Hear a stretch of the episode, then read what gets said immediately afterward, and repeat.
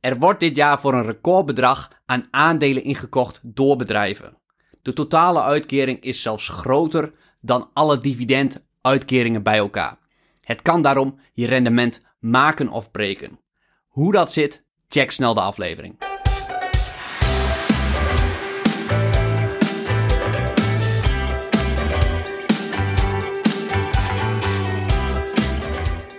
Ja, leuk dat je luistert. Mijn naam is Barbara. En ik ben Rowan. Ja, Roan, aflevering nummer 99 zitten we op. Jawel. De volgende is een soort jubileumaflevering. Is dat zo? Ja, de honderdste aflevering. Dat Ja. is toch wat? Dan gaan we even vieren, hè? Is dat zo? Ja, ik denk het wel. Even wat, eh, wat leuks doen. Oh, gaan wij wat leuks doen? Ja, misschien met iedereen. Oh, heb je al wat in gedachten? Nee, ik heb nog niks in gedachten. Oké, ja, het is wel een beetje kort dag dan, hè? Als we volgende week die aflevering al moet staan. Ah, ja, ja. Ja. Ja. ja. Waarschijnlijk wordt dat niks. Nee, dat denk ik ook niet. Ik denk Nee. dat het gewoon een aflevering wordt. Ja, maar wel, een sp- ja, we gaan wel, we gaan wel juichen op het begin. Oké, we gaan juichen. Nou, Ja. zo. we pakken uit. Ja, ja, ja. Oké, en ehm, hebben we dan verder nog wat te noemen voordat we het onderwerp induiken? Ehm, ik geloof het niet. Oké. Misschien of jij hoe jij nog verkocht hebt, daar was ik wel benieuwd naar. Ja, ja, ja. Ja, ik heb hoe jij verkocht. Oké. Ja, ik, ik had wel die herinnering even nodig. En toen dacht ik na de vorige aflevering wel, ja, nu moet ik wel echt doorpakken. Dit kan zo echt niet. Dus ik heb doorgepakt en het is verkocht. Ik heb de pijn genomen.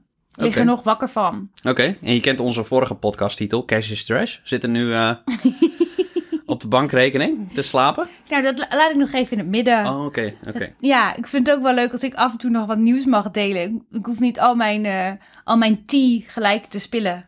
Nee, voor je het weet gaat iedereen jou volgen ook, bedoel je?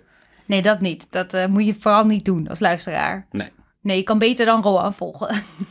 Nee, ook niet. We geven Oh. geen advies. Je bent Nee. zelf verantwoordelijk voor je eigen beleggingsbeslissing. Ja, maar als je dat dan toch gaat doen, dan zeker niet mij.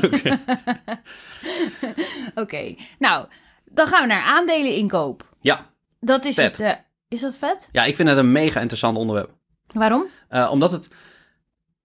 Beleggers besteden er best wel weinig aandacht aan. Er gaat veel meer aandacht aan die andere vorm van geld teruggeven aan aandeelhouders, dividend. Terwijl het eigenlijk veel belangrijker is dan dividend. Maar alle aandacht gaat naar dividend. Dus als je daar een beetje wat over weet als belegger, heb je daar een enorme voorsprong op andere beleggers. Als jij moest kiezen, een bedrijf dat alleen maar aandelen inkoopt of een bedrijf dat alleen maar dividend uitkeert, welk bedrijf beleg jij dan in?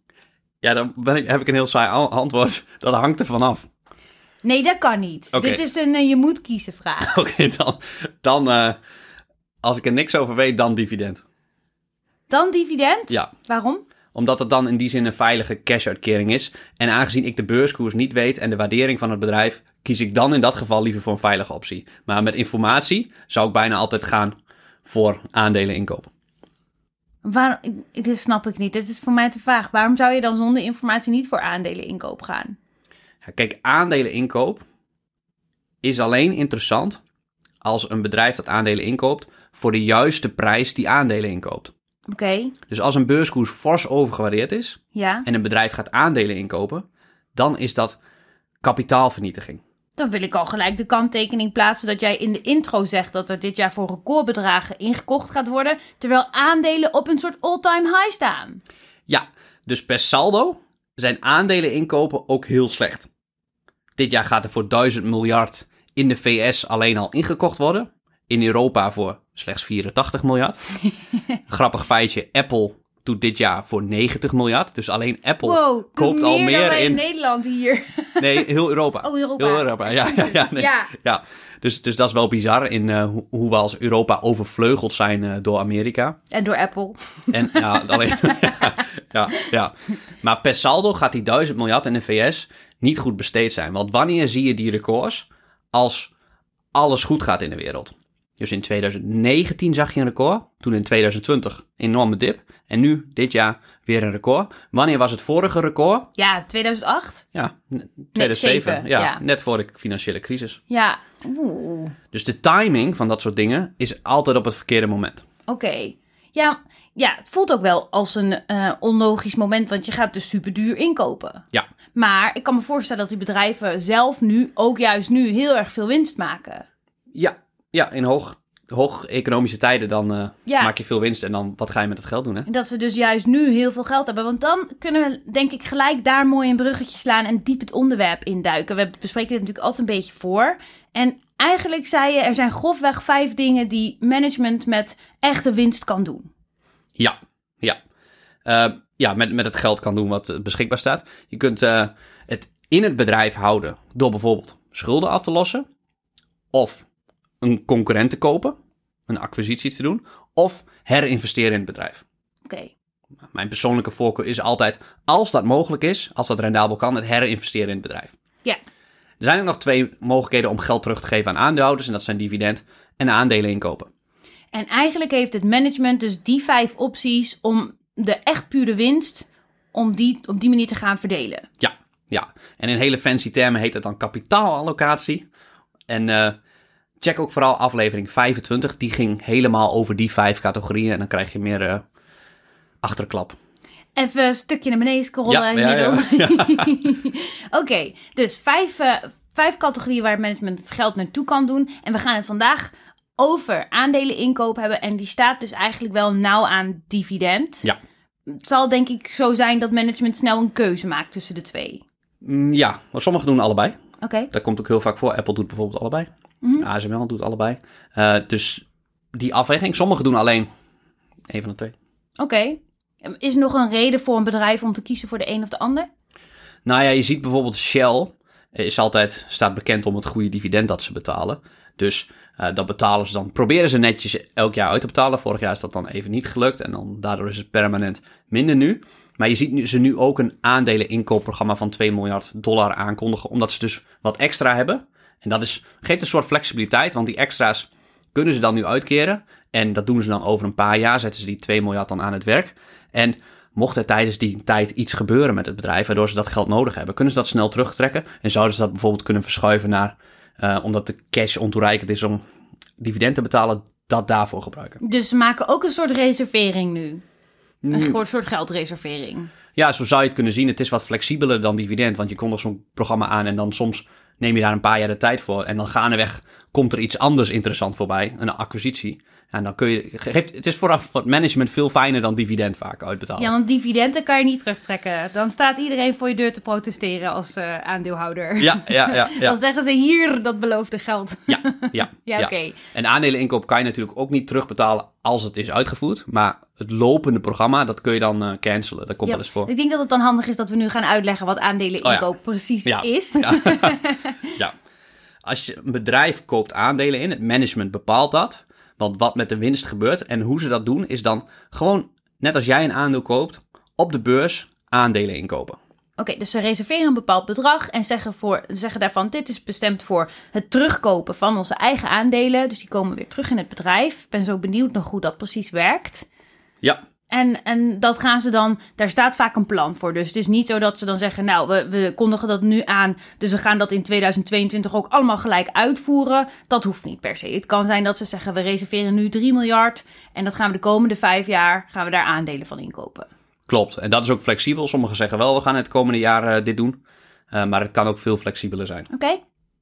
En dan gaan ze dus naar de beurs en dan zeggen ze, mm, hey, belegger, wil jij voor dit bedrag mijn aandeel aan mij terugverkopen? En dan kan de belegger dat doen of niet doen.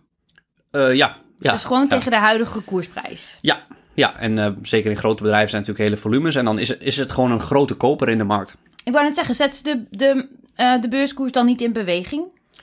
Ja, soms zie je dat wel. Kijk, Buffett die koopt de afgelopen 12 maanden voor iets van 25 miljard dollar in. Ja, hij kan niet veel meer inkopen. Want dan drukt hij echt die beurskoers omhoog. En hele kleine bedrijven hebben ook moeite met zulke dingen als er weinig handel is. Want dan zet je dus die beurskoers in beweging. Ja, precies. Dan gaat dat snel stijgen. Ja, ja, Oké, dus ze, ze doen die aandelen inkoop. ja. En ehm, ehm, wat gebeurt er dan met die aandelen? Dat vind ik in mijn hoofd is dat wel een lastig concept. Stel je hebt 100 uitstaande aandelen. En als jij dan als bedrijf eh 20 terugkoopt, ik noem maar wat. Staan die 20 dan in één keer ergens in de financiën of zo? Hoe werkt dat? Verdwijnen die dan?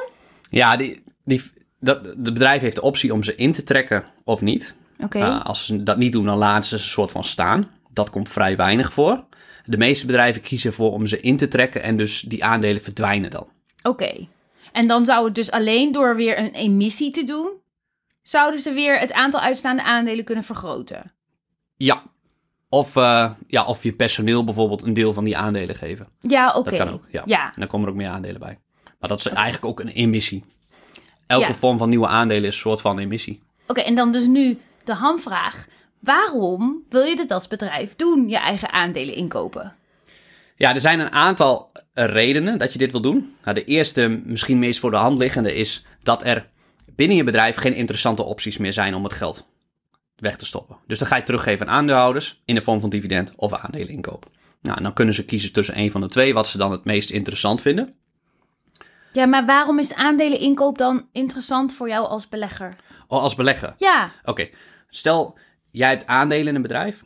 ja, Ehm, niet in hoe ja. Niet, niet in ja, ja, ja. Kijk, stel een, een bedrijf waar jij aandelen in hebt, maakt in een jaar 1 miljoen euro winst. En in dat bedrijf staan ook 1 miljoen aandelen uit. En stel dat jij bijvoorbeeld 50% van die aandelen hebt. Ja, Gaat heel goed. Eh, dus je hebt 500.000 aandelen. Stel nou, in een extreem scenario even nog de winst per aandeel geven. Dus 1000 euro winst, 1000 euro aanstelen. Dus de winst per aandeel is, nee, dit gaat niet te snel. is 1. Is, 1 eu- is 1 euro. En je gaat natuurlijk waarderen op basis van de Ik winst had net per even het gevoel dat ik weer in de wiskundeklas zit. Ik het helemaal warm. De docent spreekt mij aan. Ik moet iets zeggen. Ik kan niet tegen de druk. ik kan heel goed tegen druk, maar niet bij wiskunde. Oh, heerlijk. ik zie een soort van die getalletjes die dan allemaal zo door elkaar heen gaan lopen. En dan denk ik, hier komt geen nuttig getal meer uit. Ga weg. mooi, mooi. Bedankt. eh, ik denk dat mensen heel blij zijn dat ze dat rekenkundige even hebben mogen onderbreken met, jou, eh met jouw glimlach. zelf ook wat langer nadenken. Ja, ja. oké. Heel snel nog. 1 miljoen winst en 1 miljoen aandelen staan eruit. Dus Ja. winst per aandeel 1 euro. Ja, Stel nu dat het bedrijf met die winst de komende jaren aandelen gaat inkopen. Bijvoorbeeld 500.000 stuks gaan ze inkopen. de helft. Dat zijn ze van plan. Ja, Dit lukte wiskundig nog. klasse. ja, dus dan stel dat de winst nog steeds hetzelfde is van het bedrijf, daar gaan we even vanuit. En dan in de toekomst staan er nog maar 500.000 aandelen uit. Dus die winst per aandeel is dan 2%. Ja, 2 euro. Maakt allemaal niet zoveel uit, maar ja. dat bedoel jij. Ja, Ja. ja. ja, Dus die winst per aandeel gaat van 1 naar 2 euro, terwijl de winst van het bedrijf niet veranderd is. Mhm. Maar de winst per aandeel is gestegen. Dus voor jou als aandeelhouder heb je een verdubbeling van de winst op je aandeel. Ja, ja. Ja, zo kun je het zien. En, en als jij dan je aandelen hebt gehouden in dat bedrijf, jij verkoopt dus niet aan het bedrijf zelf, ja, dan stijgt dus ook eigenlijk je ehm, percentage in het belang. Ja, Want in dit voorbeeld gaf ik dat jij 50% aandeelhouder was, dus 500.000 aandelen. En eh, aannemende dat jij geen enkel aandeel wil verkopen, dus al die andere beleggers hebben, hebben alles verkocht. Dan heb jij dus niet meer 50% in de oude situatie, maar Ik ben eigenaar je geworden. bent volledig eigenaar. Ja, ja, ja. ja. Oké, niet helemaal een realistisch scenario, maar Ja. wel voor het voorbeeld heel duidelijk. Nee, ja, soms helpt het om extremen te pakken om, eh, om dingen duidelijk te maken. Maar inderdaad, als er op grote schaal over de jaren aandelen ingekocht worden en het aantal uitstaande aandelen vermindert, en jij houdt je aandelen, dan stijgt jouw procentuele belang in het bedrijf. Ja.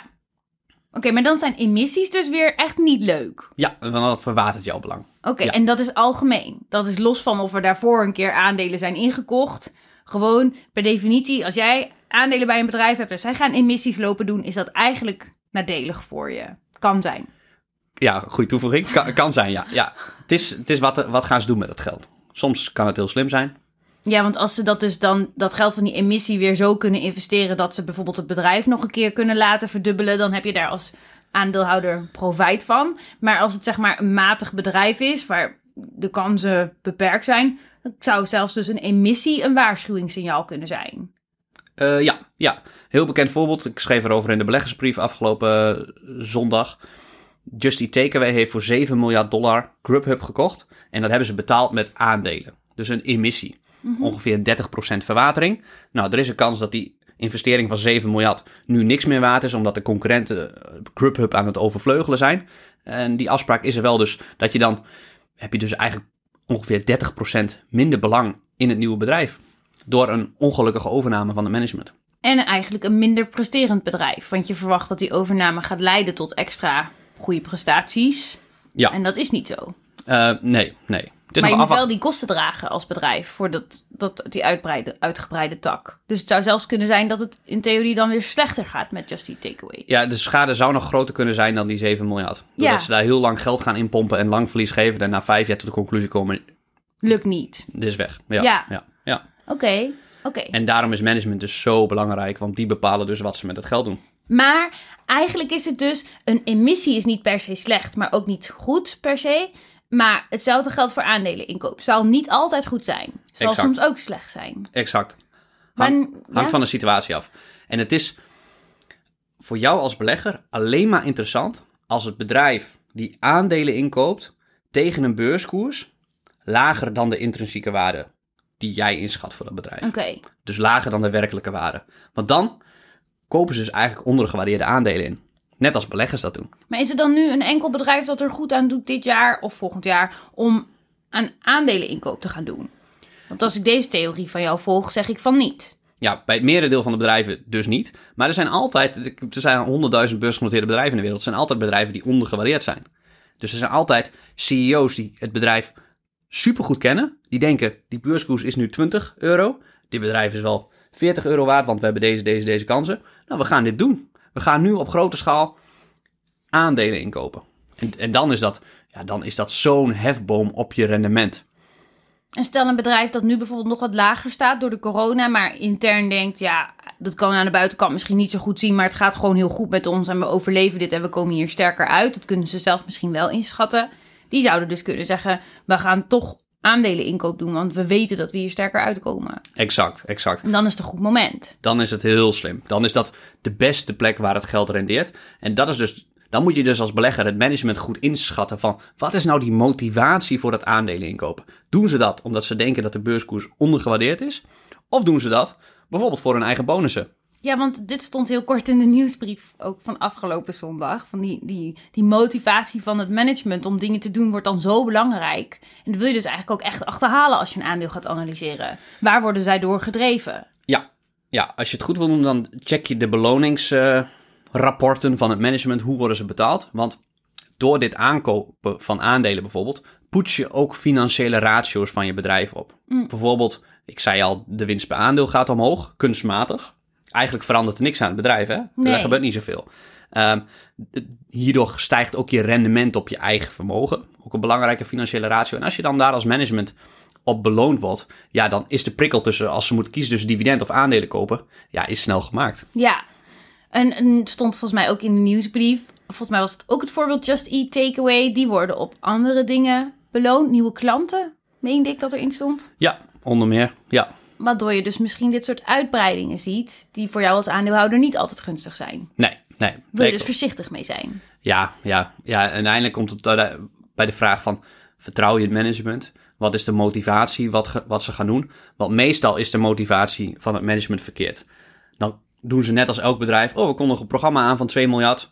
en dat doen we dus omdat... en dan weten ze, als we dit aankondigen... dan krijgt de beurskoers een stootje omhoog. Bovendien komt de komende twee jaar een hele grote koper in de markt... dus die beurskoers zal wel gaan stijgen. En mijn bonus is bepaald op basis hoe goed ik het doe... relatief qua beurskoers met andere bedrijven... Ja, bonus binnen.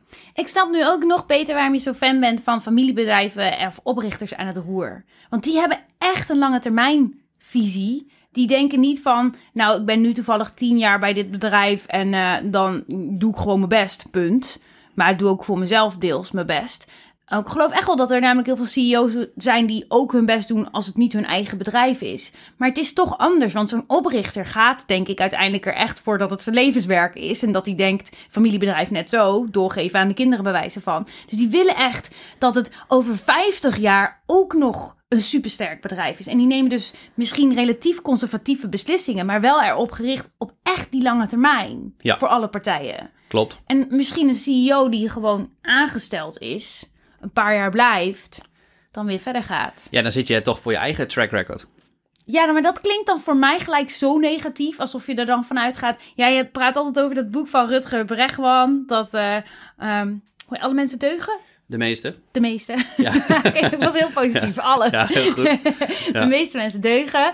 Als je dat concept gelooft, dan zou je ook geloven dat eigenlijk bijna alle, de meeste CEO's deugen. Klopt. Ik denk ook wel dat ze eigenlijk vrijwel alle, de meeste deugen. Maar ik denk dat de, als je kan voorspellen hoe de prikkels lopen van iemand, ja, dan kun je ook de uitkomsten voorspellen. Ja. Wat ze gaan doen. Ik denk dat die kracht ook heel groot is. Ja. En dat betekent niet dat ze slecht zijn of zo, maar mm, ja, als, als elk mens zou doen wat goed voor zichzelf is, dan zou de wereld een betere plek zijn, zei Adam Smith, geloof ik altijd. En ik geloof wel in die basis, alleen prikkels kunnen dat soort dingen scheef trekken.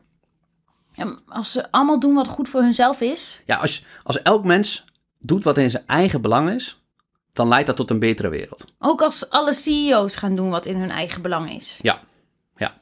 Ja, ik, ik geloof daar heel, heel sterk Ook als in. aandeelhouder. Want jij zegt jij toch juist als aandeelhouder wil je dat de CEO niet alleen maar het beste met zichzelf voor heeft, maar juist ook met jou als aandeelhouder. Klopt, klopt.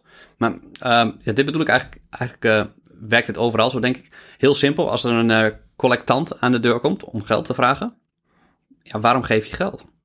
De eerste vraag is, geef ik geld? Oké, oké.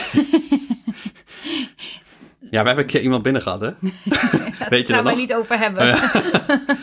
Oké. ehm, ja, voor een goed gevoel, denk ik. Om, om jezelf goed te voelen. Ja, om jezelf goed te Ja, voelen, ultiem. Ja. Dus, dus je geeft uit eigen belang. Ah, ja. Ja, ja. En net als ik aandelen koop, wil ik ook dat ze het management zo goed mogelijk doet. Gewoon uit mijn eigen belang.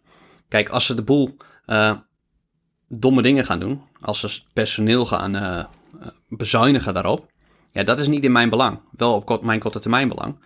En in die belangen, daar loopt het uiteindelijk scheef. Maar ik geloof wel sterk dat als iedereen zijn eigen belang nastreeft op de lange termijn, dat het dan heel goed gaat met de wereld. Ik, ik kan het niet vertalen naar die CEO's en hoe dat dan eh, gunstig uitpakt met bedrijven als alle CEO's voor zichzelf in die bedrijven zitten. Oké, wat wil je als CEO zijn? Je wil een goede CEO zijn, maar ik denk dat je bijvoorbeeld ook dat wat iets wat veel belangrijker is op de lange termijn, dat je een goede vader wil zijn bijvoorbeeld. Oké, Dat de CEO ook gewoon een goede vader wil zijn. ja. En dat als je de Duitse autoboeren ziet, die maar niet die omslag willen maken naar elektrische auto's, omdat ze zo verdomd veel geld verdienen met die eh verbrandingsmotoren auto's. Waarom maken ze die switch niet? En nu, langzaam, wordt de maatschappelijke druk zo groot. En dan gaan hun kinderen aan papa vragen, die CEO is: waarom Volkswagen, waarom ga jij niet mee in die trend? Je wilt toch een betere wereld voor mij laten? Dan denkt die CEO ook: oh, ik ga nu ook mijn eigen belang nastreven, want ik wil een goede vader zijn. Dus eigenlijk zeg jij nu dat al die Duitse autofabrikanten alleen maar overstag gaan omdat ze papa zijn en hun kind nu aan de deur komt kloppen. ja, dat is overdreven, maar ik hou graag van die extreme om iets misschien duidelijk te maken. Ik weet niet of dit duidelijk is, maar ik, ik, ik denk er wel zo over. En ik denk dat dat conflict tussen een korte termijn eigen belang en lange termijn eigen belang in het kapitalistische systeem heel vaak in het conflict is. En dat leidt tot excessen en dat leidt tot dat kapitalisme heel slecht is. Maar ik denk dat kapitalisme als systeem wel het minst slechte is en op de lange termijn best wel goed is. Want ik geloof echt heel sterk in het corrigerende vermogen van de markt. En dat bedoel ik niet alleen economische prikkels, maar ook menselijke prikkels zoals dat een CEO gewoon een goede vader wil zijn. Oké, maar dan heb je het dus wel over lange termijn eigen belang Ja, nastreven. ja, ja. Oké. Oké, ik ben benieuwd. Dit was even een Ja, uitstapje. Ik moet, het- ik moet het nog wel verwerken. Ja. Ik, weet, ik weet nog niet wat ik ervan, eh, hoe ik het plaats, maar misschien kunnen we volgende keer er even op terugkomen. Kijken hoe, hoe Lijkt ik leuk. dan zeg. Ja, Wat ik nog heel, waar ik nog heel benieuwd naar ben, is, de, we noemden het een paar minuten geleden al. Het, er zijn ook eh, slechte eh, redenen om aandelen inkoop te doen. Of slechte redenen, het kan ook slecht uitpakken. ja. Kun je daar ook wat meer over vertellen? Ja, de belangrijkste reden, het zijn twee redenen om het slecht te doen. Eén, die ik al zei, die financiële ratio's, als je die wil oppoetsen om je bonus binnen te halen. Maar de tweede is dat, je het, dat de beurskoers te hoog is. Een stuk hoger dan de intrinsieke waarde. En dan is het dus kapitaalvernietiging. En dat zie je dus voornamelijk als je het generaliserend hebt voor crisissen. Net voor crisissen, dan is het net op het hoogtepunt. Terwijl je juist zelf een slimme CEO, die koopt in de crisis volle bak aandelen in. Alphabet die versnelde het ook in die coronadip, hun aandelen inkooppakket. Dus ja, dat, dat is heel erg slim. En even kijken, als ik het heb over wat slechte voorbeelden, ja, dan zijn het bijvoorbeeld alle banken. Voor de financiële crisis waren ze de grootste inkopers. Dat zijn juist de mensen die zouden moeten snappen hoe die geldstromen werken. Ja, ja, en daar krijg je dus weer die menselijke prikkels van, eh, ja, wat, wat doen we met het geld? We gaan, we gaan het er maar in pompen, eh, want we willen onze bonussen. En dat, dat krijg je dan. En bovendien volgt iedereen elkaar, hè? Oké, ING betaalt wel, doet wel aandelen inkoop. Oh, ABN AMRO denkt van waarom uh, krijg vragen van beleggers, waarom doen jullie dat niet? En dan altijd op het verkeerde moment. Altijd op het verkeerde moment. En ja, sommige CEO's, en er zijn er maar weinig, die hebben echt scheid aan wat de wereld vindt. Die doen het alleen op momenten dat de beurskoers zo laag staat. En in het boek Die Outsiders, die echt even wil lezen over acht CEO's die die dingen buitengewoon anders doen, gaat het bijvoorbeeld over Henry Singleton. Die pakt met een heel gemiddeld bedrijf even 20,4% in 30 jaar als CEO. Rendement? Ja. Oké. Wat zei ik? Nee, niks. Dus ik had geen context. Ja. En waardoor 1 dollar dus 180 wordt. En ter vergelijking, de S&P ging van 1 dollar naar 15. En het grappige is dat puur door die aandelen inkopen, in die periode is de winst maar keer 7 gegaan, maar de winst per aandeel keer 40. En dat komt omdat hij dus echt een extreme kannibaal is en 90% van de uitstaande aandelen over die periode heeft ingekocht. Wow. En ja, Apple heeft het bijvoorbeeld ook goed gedaan. Die heeft sinds 2013 voor 400 miljard dollar ingekocht. En 37% is er dus minder. En op korte termijn lijkt die krimp van uitstaande aandelen heel klein. Maar als je op de lange termijn, als je dat maar blijft doen, dan kan het ook, als je dus Apple doet, dus niet timen. Van als het ondergewaardeerd is.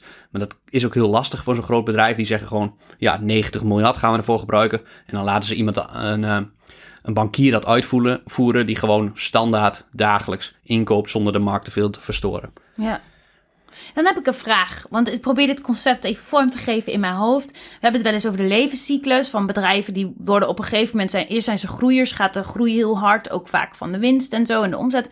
Ehm, dan op een gegeven moment worden ze volwassen en dan vlakt dat wat af. En dan is het ook moeilijker, ook moeilijker om bijvoorbeeld nog te verdubbelen. En dus ook voor jou als aandeelhouder moeilijker dat ze nog mooi gaan verdubbelen. Ja, Is dit dan een concept, het, terug, het inkopen van aandelen, wat ze kunnen gebruiken om toch nog die boost te blijven geven? ja, ja. Je kunt dan daardoor je winst per aandeel nog, nog steeds opkrikken door het heel slim te doen. Maar het werkt alleen die boost als het aandeel dus ondergewaardeerd is. Waarom? Omdat je anders te veel betaalt en dan zou je beter dividend kunnen gaan uitbetalen. Kijk, het heeft geen nut. Wij willen allemaal aandelen kopen beneden de intrinsieke waarde. Want anders koop je iets wat overgewaardeerd is. Dan koop je een grachtenpand in Amsterdam. Ik weet niet wat de prijzen inmiddels zijn. Maar dan koop je dat voor 10 miljoen euro. Ja, dan weet iedereen dat is geen goede deal. Die zijn er wel, denk ik.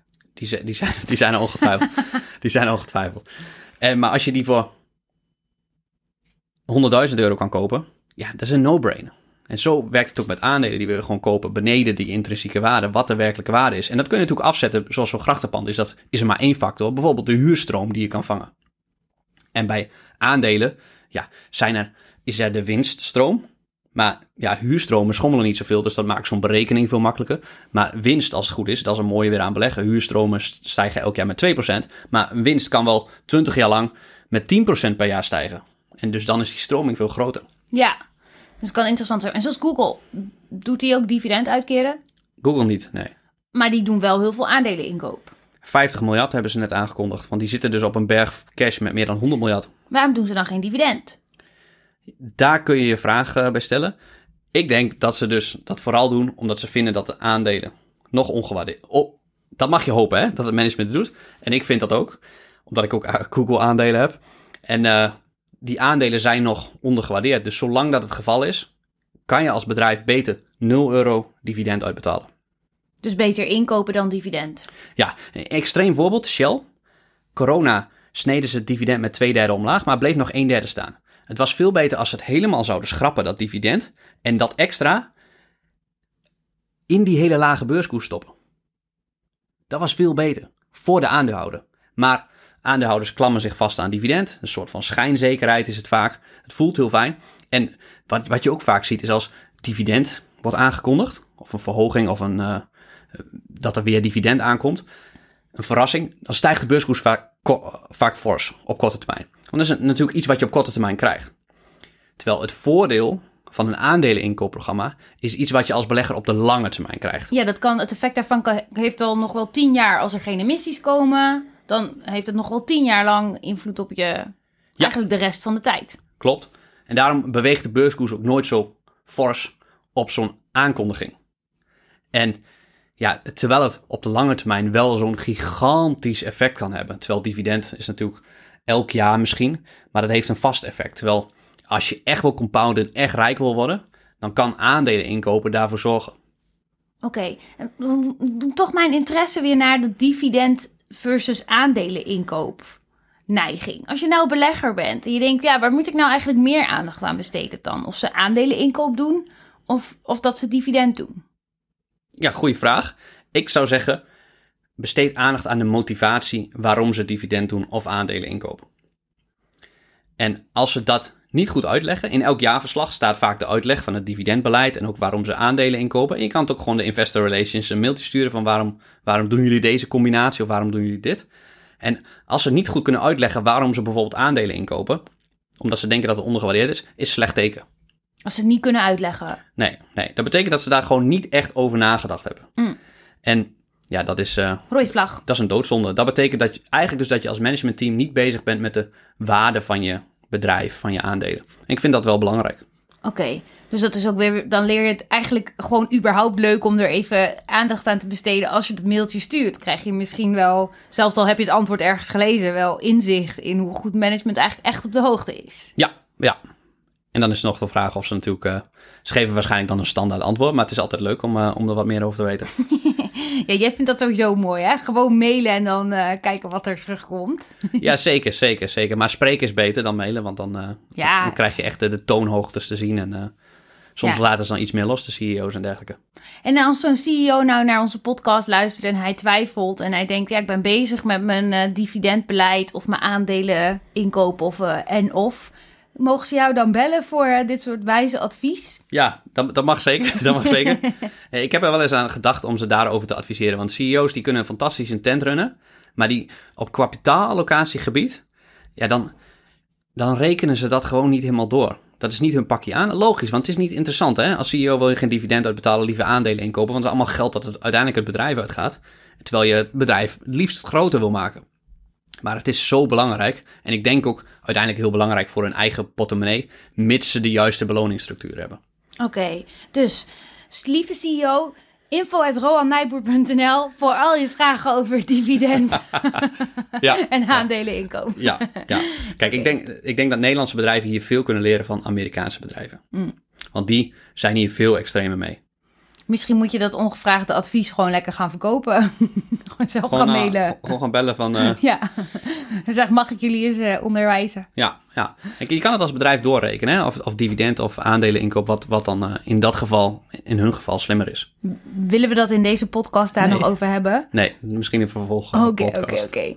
Heb je nog meer wat je ons wilt vertellen over dit onderwerp?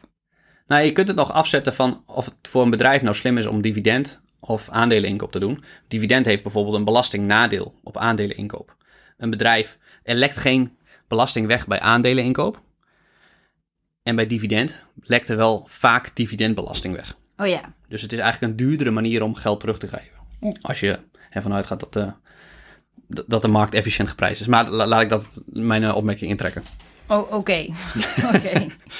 Belastinglek, zeg maar. Ja, ja dat is toch eh, dividendbelasting 15%, 30%. Dat, Oh ja. dat kan best wel veel uitmaken van de uitkering die een belegger dus misloopt. Verschilt per land, denk ik. Ja, ja, Ja, ja. oké. ja. Oké. Is er nog meer wat we nu eh, nog niet besproken hebben? Ja, wat ik nog wel leuk vind om toe te voegen is dat je... ehm, er is natuurlijk onderzoek naar gedaan door S&P 500. Dat is zo'n... eh, ook niet alleen een index, maar ook een bedrijf. S&P Global. Die heeft de S&P 500 Buyback Index. Dus dat zijn de 100 bedrijven die qua percentage van hun marktkapitalisatie het meeste inkopen. En als je die dan gaat volgen, sinds 1994 hebben ze dat onderzoek gedaan, dan presenteert dat mandje 13% per jaar versus de S&P 500, dus de index, 9% per jaar. Dus de index met buybacks, waar bedrijven in zitten die actief buybacks doen, die Ja. doet het 4% beter. Ja, Dat is behoorlijk. dat is, dat is ontzettend fors, ja. Ja. ja. Dus alleen als, ik weet, ik weet niet of er een ETF op is, Uh, dat zou ik dan even la later moeten uitzoeken. Maar als je daar zo'n ETF op kan kopen, mocht, zou dat al interessanter kunnen zijn. Dan gewoon de S&P. Ja, ja. Want dan, ja, dan koop je dus die kannibalen eigenlijk. Oké. Maar het is wel gevaarlijk, ook in deze tijden, terwijl beurskoers op record staan. Dan wil je misschien daar wat voorzichtiger mee zijn. Oké. Ja. Nee, want je koopt voor de lange termijn en alleen geld dat je kan missen. En over tien jaar staat de beurskoers dan, als je wetenschappelijk onderzoek mag geloven, weer hoger. Dus eigenlijk zou het niet uitmaken. Ehm, klopt. Ja, Oké. ja, ja. Ja. Maar er zijn altijd met beleggen zoveel nuanceringen te maken. Ja. Je kan niet zeggen of dividend beter is of aandeleninkoop beter. Het hangt van de situatie per bedrijf af en de beurskoers af en allemaal andere factoren wat dan in dat geval beter is. Ja, en, je, en um, ja, belangrijk is dus ook om dat inzicht te krijgen. Ja, en dat kost gewoon, dat kost gewoon wat tijd. Maar als je, als je het eenmaal begrijpt, dan ga je dat hele plaatje begrijpen. Ondernemers begrijpen dit vaak eh, wat sneller, omdat die zelf al bezig zijn met van, wat, wat ga ik met het geld doen? Ga ik dat aan mezelf uitkeren als dividend? Of zie ik dit interessante groeiplan? Of wil mijn mede-eigenaar van mijn BV eh, misschien zijn aandelen wel aan mij verkopen? En dan doe je dus een buyback in een BV eigenlijk. Oh ja. Ja, dus dit leeft veel meer. Ja, ja, ja die begrijpen dat, eh, dat, dat snel. Oké. Heb je nog meer wat je wilt delen? Nee, op dit moment niet. Ik kan er nog uren over doorgaan, maar ik denk eh, dat de vraag niet voor niks is. Ik denk ook dat het dan een hele technische podcast wordt. Ja. Over hoe je precies dat dividend doorrekent en eh, de aandelen inkoop. We hebben een aantal keer de beleggersbrief genoemd in deze podcast. Als je die wilt ontvangen en ontvangt hem nog niet, dan kan je gaan naar... Wat is de URL, Rowan? www.rolandnijboer.nl slash beleggersbrief. Oh, heel goed. Nice, heel hè? goed. Ja. En dan kan je je aanmelden met je e-mailadres. En dan ontvang je hem elke zondagochtend trouw in je mailbox. Een mooi verhaal van Rowan over de beurs. Vaak wel heel, gaat wel heel erg de diepte in. Dus ik denk als je de podcast leuk vindt, dat je de nieuwsbrief ook leuk vindt, mits je van lezen houdt. Ja, dit is allemaal gelezen, ja. Ja, Misschien moeten we het gaan voorlezen dan. Of als mensen van audio houden. ja maken we een soort storytell. Ja, je hebt een hele mooie stem. Oké, gaan we proberen. Tot de volgende keer bij de beleggersbrief. Oké, bedankt. Bedankt Ja. voor het luisteren, echt tof. Hopen dat je volgende week weer bij bent bij de honderdste aflevering. Ja, en eh, tot de volgende keer.